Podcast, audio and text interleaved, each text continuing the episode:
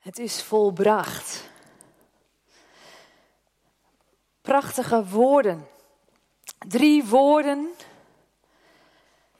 waar we vanavond zeker bij stilstaan, maar we zijn daar nog niet. Want Goede Vrijdag.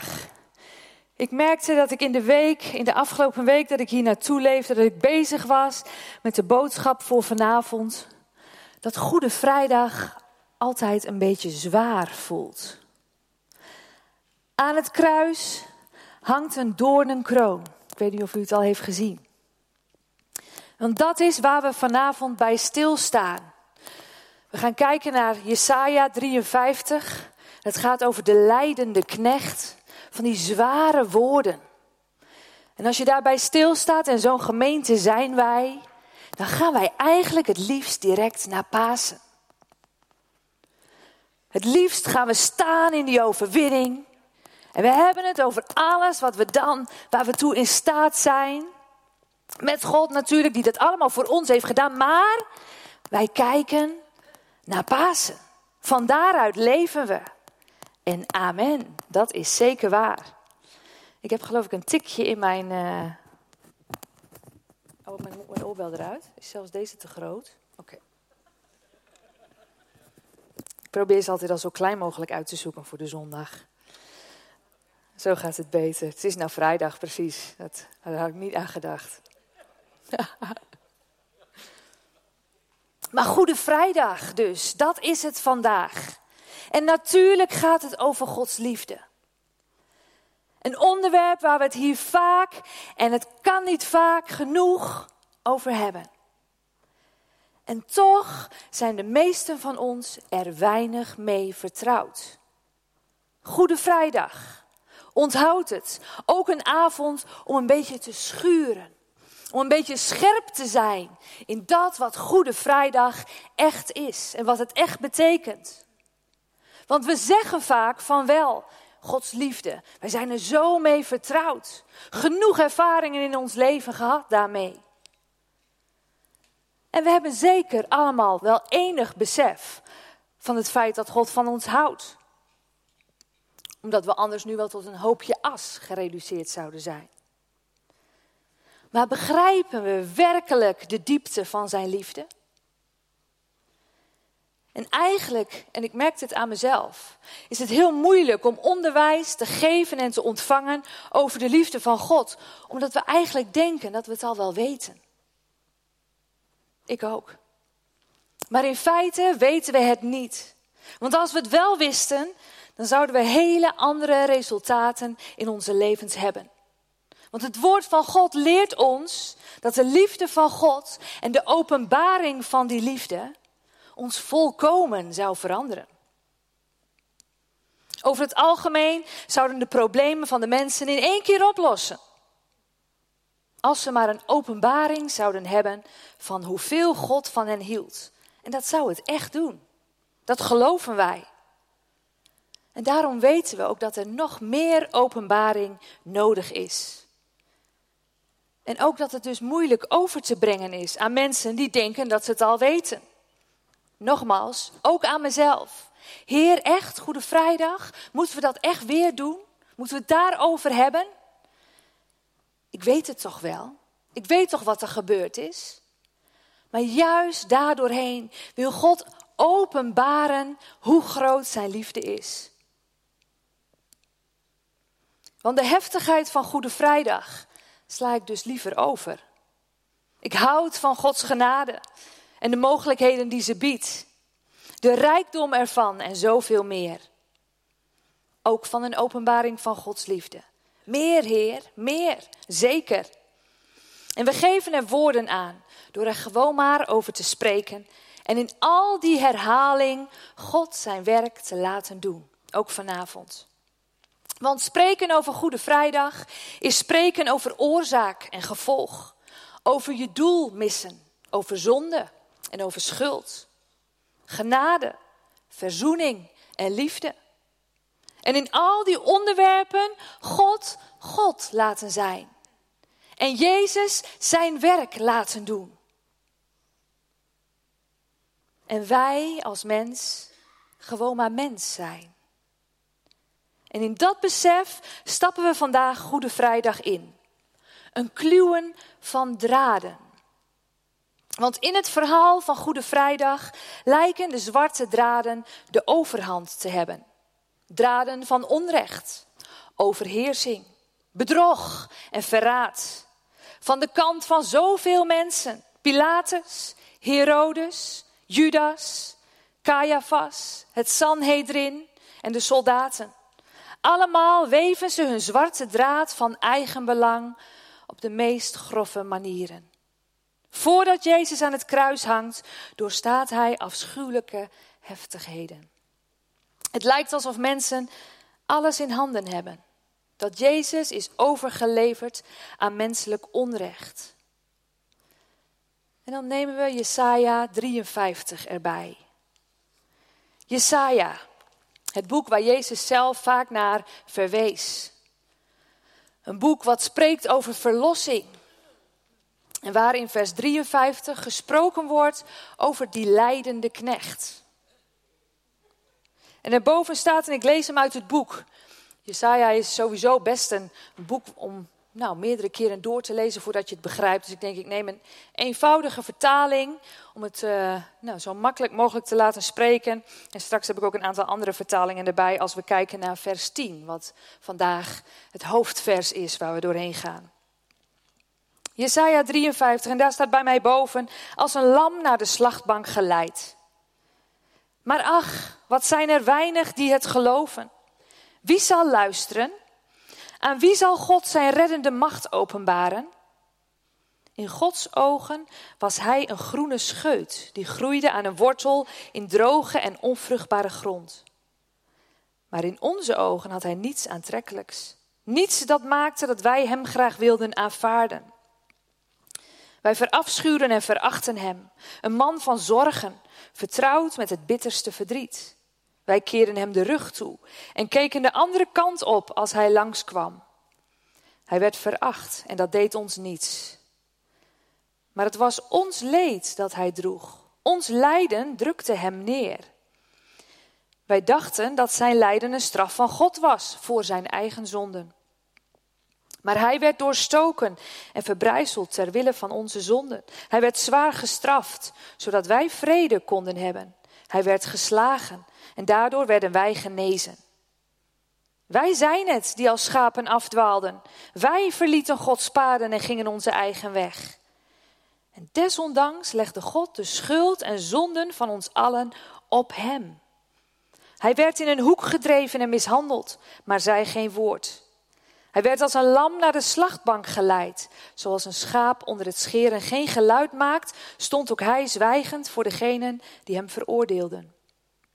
Vanuit de angst en de benauwdheid werd hij bevrijd. Wie zal zijn leeftijd kunnen bepalen? Hij werd immers afgesneden van het leven. Maar wie van al die mensen realiseerde zich toen dat het hun zonden waren waarvoor hij stierf? Dat hij hun straf op zich nam? Men had hem als misdadiger willen begraven, maar hij werd gelegd in het graf van een rijke, omdat hij niets had misdaan, nooit een verkeerd woord had gezegd en in hem geen onrecht werd gevonden. Maar het was de bedoeling van de Heere dat hij werd verbrijzeld en met verdriet overladen. Wanneer hij zijn leven heeft geofferd voor de zonde, zal hij talloze nakomelingen krijgen, vele erfgenamen en hij zal opnieuw leven en Gods voornemen zal bij hem in goede handen zijn. En als hij ziet wat allemaal is bereikt door zijn zware lijden, zal hij voldoening smaken.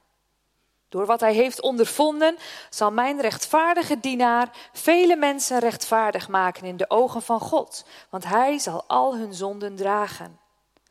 Daarom zal ik hem de eerbewijzen geven van iemand die machtig is en hoog in aanzien staat, want hij heeft zichzelf in de dood gegeven. Hij werd beschouwd als een zondaar, maar droeg de zonden van velen. Hij pleitte bij God voor overtreders.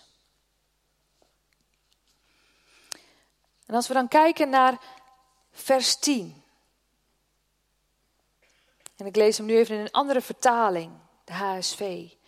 Het behaagde de Heer hem te verbrijzelen. Hij heeft hem ziek gemaakt. Als zijn ziel zich tot een schuldoffer gesteld zal hebben, zal hij nageslacht zien. Hij zal de dagen verlengen. Het welbehagen van de Heer zal door zijn hand voorspoedig zijn. Liefde? Waar dan? In die eerste zin, het behaagde de Heere hem te verbrijzelen. Hij heeft hem ziek gemaakt. In een andere vertaling, maar de Heer wilde hem, en dan gaat het dus over Jezus, breken. Hij maakte hem ziek. En deze vertaling, het was de bedoeling van de Heere dat hij werd verbrijzeld en met verdriet overladen. God wilde Jezus breken, verbrijzelen, hem alles laten ondergaan wat nodig was voordat hij stierf aan het kruis. En dat was voor mij een zin om met verbazing naar te kijken. Vooral als je beseft dat verbrijzelen eigenlijk betekent verpulveren, vermalen, onder je voet helemaal fijn stampen. En het behaagde God om zijn zoon te malen. Zijn lichaam en geest van pijn en kwelling te verpulveren. Dat er niets heels meer overbleef. Hoeveel woorden kunnen we daarvoor vinden? Dat het een vader behaagt om dat zijn kind aan te doen. Dan zijn er twee mogelijkheden. De ene is dat je te doen hebt met een vader die zijn kind mishandelt. Dat komt soms voor. Dat een vader zijn kind voor het leven traumatiseert. Als een meedogenloze, gewetenloze, verschrikkelijke vader die zijn kind niet lief heeft en die geen liefde heeft voor zijn eigen vlees en bloed. Maar dat is het niet. Want deze vader heeft zijn kind juist ontzaglijk lief. Tot in eeuwigheid. Van eeuwigheid tot eeuwigheid. Deze is mijn geliefde zoon, in wie ik een welbehagen heb. Dat verzekert God ons telkens opnieuw in de Bijbel. Dus deze vader heeft zijn kind innig lief. Maar hoe kan het dan dat de vader zijn kind wilde verbrijzelen? Dan moet hij daar een doel mee hebben. Een doel dat het zo waard is om zijn eigen kind te verbrijzelen. Iets anders dat meer waard is dan zijn eigen zoon. En daar kunnen we voorbeelden van bedenken. Je geeft niet zomaar 20.000 euro weg. En dan proberen we het even in onze eigen taal naar beneden te halen. 20.000 euro weggeven, nou dat is wel een hele hoop. Maar als vader doe je dat als jouw kind zo ziek is dat het nodig is voor een behandeling. Als de operatie van 20.000 euro niet door de verzekering wordt vergoed, dan neem je er een lening voor, dan is niets je te gek om te zorgen dat jij aan die 20.000 euro komt. Want het leven van je kind is je meer waard dan dat bedrag. Daar kies je dan bewust voor. Dat is zijn kind hem waard. En Gods zoon is de vader ontzettend veel waard. Hij houdt van hem. Hij doet alles voor zijn enige geboren zoon.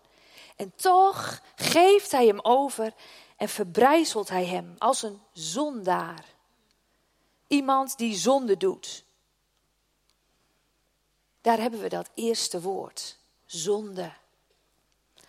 En wat is zonde? Zonde is niets meer dan je doel missen. Een zondaar is dus iemand die zijn of haar doel mist. Die dat wat jij te doen hebt in het leven, dat je dat niet doet. Dat waarvoor je bent bedoeld, dat red je niet. En het lot van degene die haar doel mist, die zondaar, is veroordeling of verbrijzeling. Of je dat nu beseft of niet. En de verlossing van al die mensen die hun doel missen, dat is het de Vader waard. God heeft de verlossing van die mensen die hun doel missen, liever dan dat hij zijn eigen zoon lief heeft. En daarom is het zijn bewuste keuze om zijn zoon te verbrijzelen. En ik gebruik met opzet steeds die heftige woorden. Want ik merkte dat het bij mij, door dat te herhalen, steeds meer zakte. Wow, Heere God. We hebben het straks nog over Jezus, maar nu, Vader. Wat heeft u gedaan? Wat heeft u ervoor over gehad? Want al zo lief had God de wereld. Hoe lief?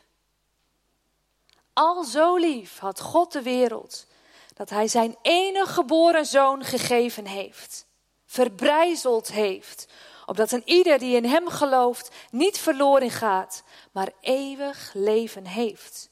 Zo groot, zo ver, zo diep, zo wijd en zo hoog gaat de liefde van God de Vader voor de redding van zondaren.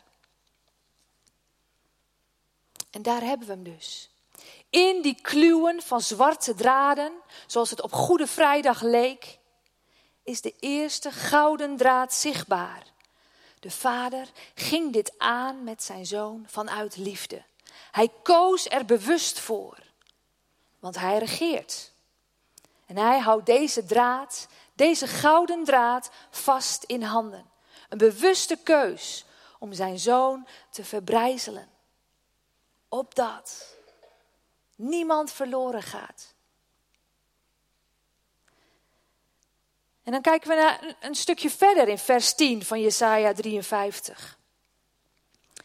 We lazen dus eerst, het was de bedoeling van de Heer dat hij, Jezus, werd verbrijzeld en met verdriet overladen. Dan komt het tweede stukje. Wanneer hij zijn leven heeft geofferd voor de zonde. Een andere vertaling zegt, hij offerde zijn leven voor hun schuld. En de HSV zegt, als zijn ziel zich tot een schuldoffer gesteld zal hebben. Weer van die moeilijke woorden, daarom gaan we er even doorheen. Want in die kluwen lijkt het alsof mensen Jezus maar van alles aandoen. Ze verraden hem, ze boeien hem, ze slepen hem mee, ze verhoren hem en ze kruisigen hem. Alsof mensen Jezus de baas zijn. Alsof mensen met hem doen wat zij willen. Zo lijkt het. Maar het is anders. Zij doen met hem wat hij zelf wil. Want door al die mensenhanden heen loopt een tweede gouden draad. Dat Jezus zichzelf als schuldoffer beschikbaar stelt. Jezus stelt zich beschikbaar. Je zou kunnen indenken dat op Goede Vrijdag om 12 uur s middags boven Golgotha Gods toorn losbrandt. Als een bliksemflits. En daarom wil Jezus daar precies op die dag en die tijd daar zijn waar die bliksem inslaat. Hij stelt zijn ziel beschikbaar als schuldoffer, omdat hij dat wil. Schuldoffer. Dat woord bestaat uit twee delen: schuld en offer. We kijken eerst naar het stukje schuld. Ook weer zo'n woord. Schuld. Nou ja, dat weten we wel, hè? soms moet je betalen. Als je een tientje leent van je buurman, dan kan je niet zeggen dankjewel en er verder niks aan doen. Dan moet je het teruggeven. Je hebt te hard gereden en je krijgt een boete thuis. Hmm, 320 euro. Je kan niet zeggen, ik doe het nooit meer. Je moet betalen. En dat vinden we allemaal heel logisch. Maar de Bijbel leert ons, zonde, dus het missen van je doel, dat is schuld. En die moet je betalen. God heeft iets te goed van ons. Dat moet goed gemaakt worden. We hebben, we hebben overtreden en daar staat boete op, straf. De vloek der wet. Zonde is schuld. En dat betekent dus, als je gezondigd hebt, en wie heeft er nooit gezondigd? Wie mist nooit zijn of haar doel?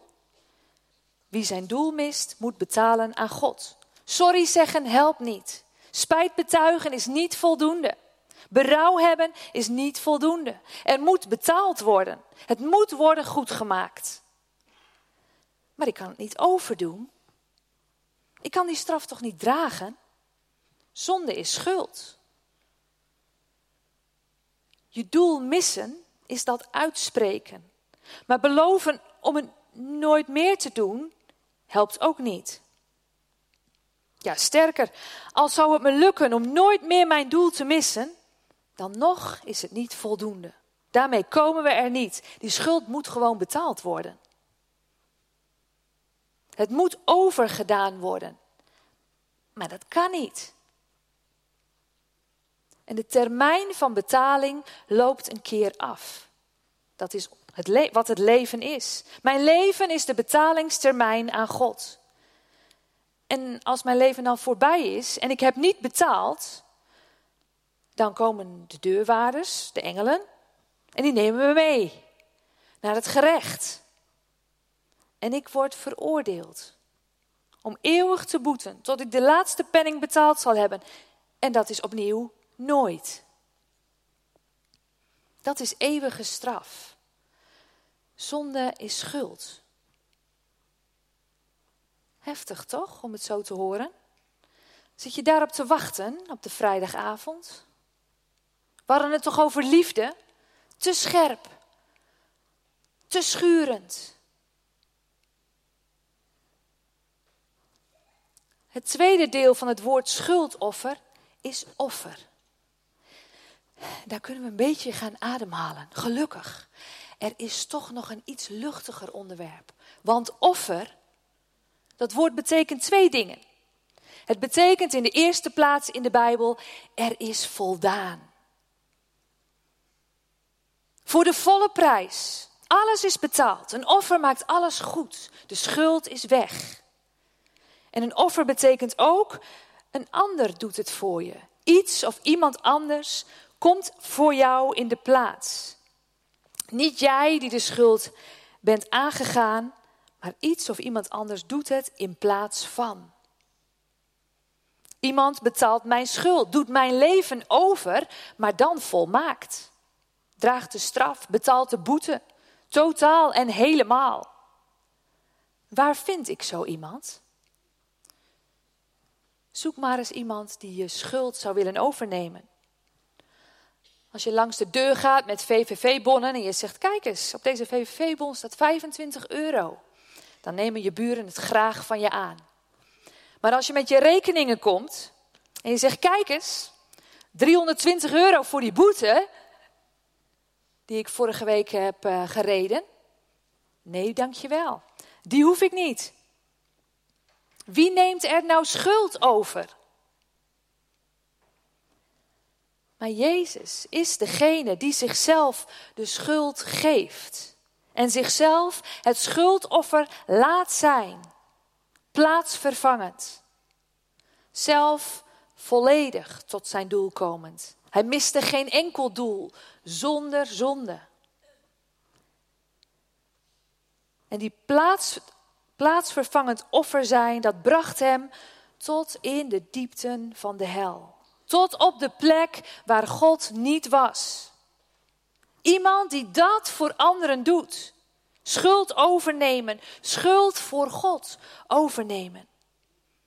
Al zo lief had Jezus de wereld dat hij zichzelf gegeven heeft tot een schuldoffer. En hij deed dat zo volledig, zo perfect, dat de waarde van dat offer, van dat schuldoffer, overvloedig is. Meer dan genoeg voor alle zonden van de wereld. Voor iedereen die zijn of haar doel mist. Honderd keer in je leven, duizend keer in je leven, ontelbaar keren in je leven. Er is genoeg voor alle mensen. Meer dan genoeg voor alle mensen. En door dat offer is er vrede met God. Jezus offer maakt mensen die hun doel missen schoon. En hij bekleedt ze met witte klederen. Alsof jij zelf in eigen persoon gedaan had wat Jezus heeft gedaan. God ziet ons als perfect en volmaakt. En dan zijn wij in Hem volmaakt. Vanwege dat schuldoffer van Jezus. En over deze Jezus hebben we het. Deze Jezus komt langs om ons te vragen: Heb je nog schuld? Heb je nog schuld voor mij? Wij hoeven niet te vragen of iemand anders schuld wil overnemen. Hij komt zelf naar ons toe. Heb je nog iets voor me? Mag ik met mijn offer jou dienen? Heb je schuld? Schuld waar je vanaf moet? Waar je niet meer mee kunt leven en niet meer mee sterven durft? En schuldbesef is echt als je beseft, ik moet er vanaf. Schuldbesef is echt als het het middel is om je schuld mee te geven met Jezus. Mag Hij jouw schuld overnemen, meenemen? Vandaag net zo vers als 2000 jaar geleden. Want het is volbracht. En de werking ervan gaat door, iedere dag opnieuw. En de voorbeelden die ik net noemde, gingen voornamelijk over materiële zaken. Dingen die we heel makkelijk snappen. Ja, dat is duidelijk schuld. Het is één op één. Hoor je dat met elkaar te vereffenen en dan klopt het weer. Wij mensen hebben veel meer moeite met die zaken die ons innerlijk raken. In mijn leven heb ik afwijzing gekend. Al op jonge leeftijd kwam een boodschap zo bij mij binnen dat ik mezelf niet goed genoeg vond. Dat ik altijd dacht, dat kan ik niet, dat durf ik niet, dat wil ik niet, dat lukt me niet. Dat was niet mijn schuld. Ik was een kind, het is me overkomen. En daarvan had ik kunnen blijven zeggen, ja, dat hebben volwassenen in mijn leven gedaan. Het was niet mijn schuld. Ik was gewoon een slachtoffer.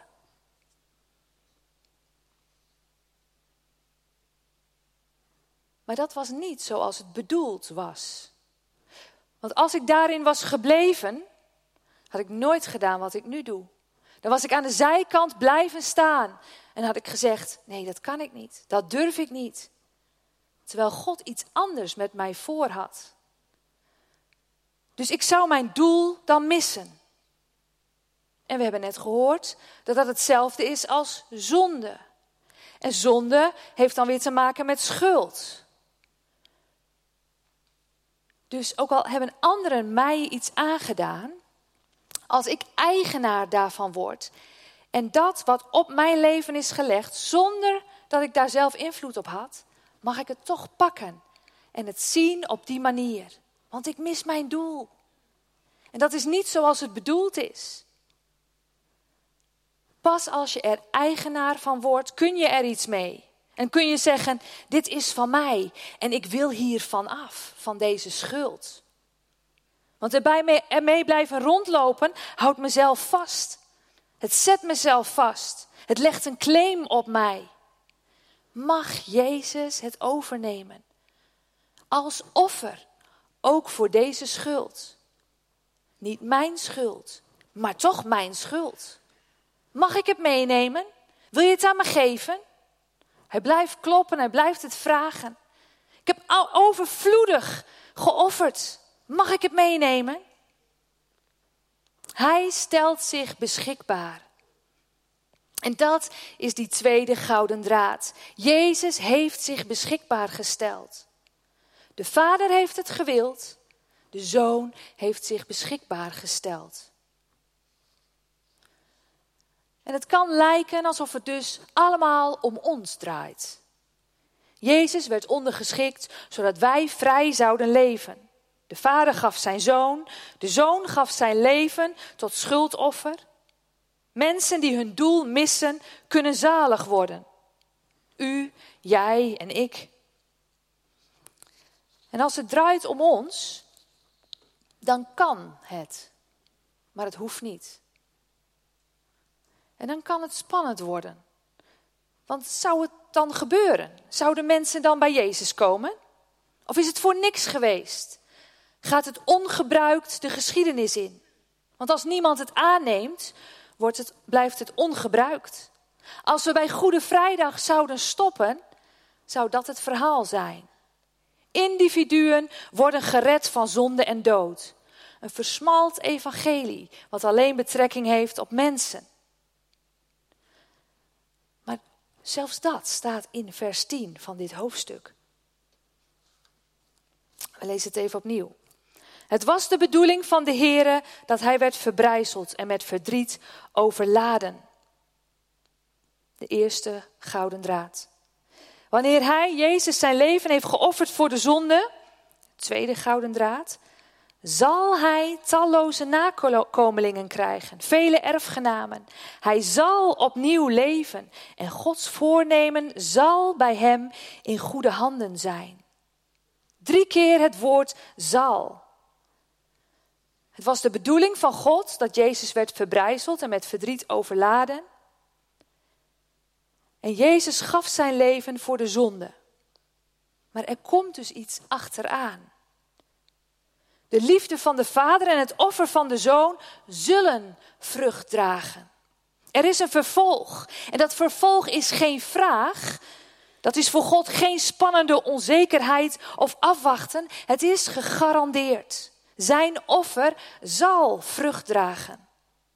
Er komt zeker een vervolg. Hij trekt mensen die hun doel missen naar zich toe. Hij opent ze de ogen, opent hun hart, buigt hun wil om. Hij laat ze opnieuw geboren worden. Zoals God het bedacht heeft in het begin, helemaal in die schepping, zo zal het opnieuw worden. Want het stopt hier niet. Het stopt niet bij vandaag. Pasen komt. Een nieuwe schepping luidt Jezus in door zijn opstanding, vrij van dood. God gaf het start zijn om alles op aarde en alles in de hemel te vernieuwen, te herstellen en te verzoenen. Om het zo te maken zoals hij het oorspronkelijk had bedoeld. De machten van dood en vernietiging, van schuld en je doel missen, zijn verslagen. Op een ondenkbaar, ongeëvenaarde schaal. We worden uitgenodigd om ons verhaal in een grotere context te zien, die heel de schepping omvat. Niet alleen wij mensen, maar de totale schepping. Twee gouden draden van genade. De Vader heeft het gewild. De Zoon heeft zich beschikbaar gesteld. En met Pasen komt daar een derde draad bij. De mogelijkheid om dit op een steeds dieper niveau te ervaren. Want dit overstijgt alles wat we kennen, wat we weten en wat we ervaren. Schuld, zonde, begeerte of je doel missen, iedere mislukking of situatie waarin jij een ander aanwijst als schuldenaar, of welk woord je er ook voor wilt gebruiken, verandert in: O Vader, ik begrijp nog steeds niet voldoende hoeveel u van mij houdt. U wilt mij nog meer laten zien van uw liefde door wat u nu op mijn pad brengt. En wat je dan doet, is opnieuw aanhaken aan die grootste liefde van God. Je vasthouden aan al die gouden koorden. En ogenblikkelijk zul je in een grote mate van reinheid, van vrede, van rust en ga maar door beginnen te wandelen. Want liefde is opnieuw je motivatie. Terug naar die basis. De drie gouden koorden van genade.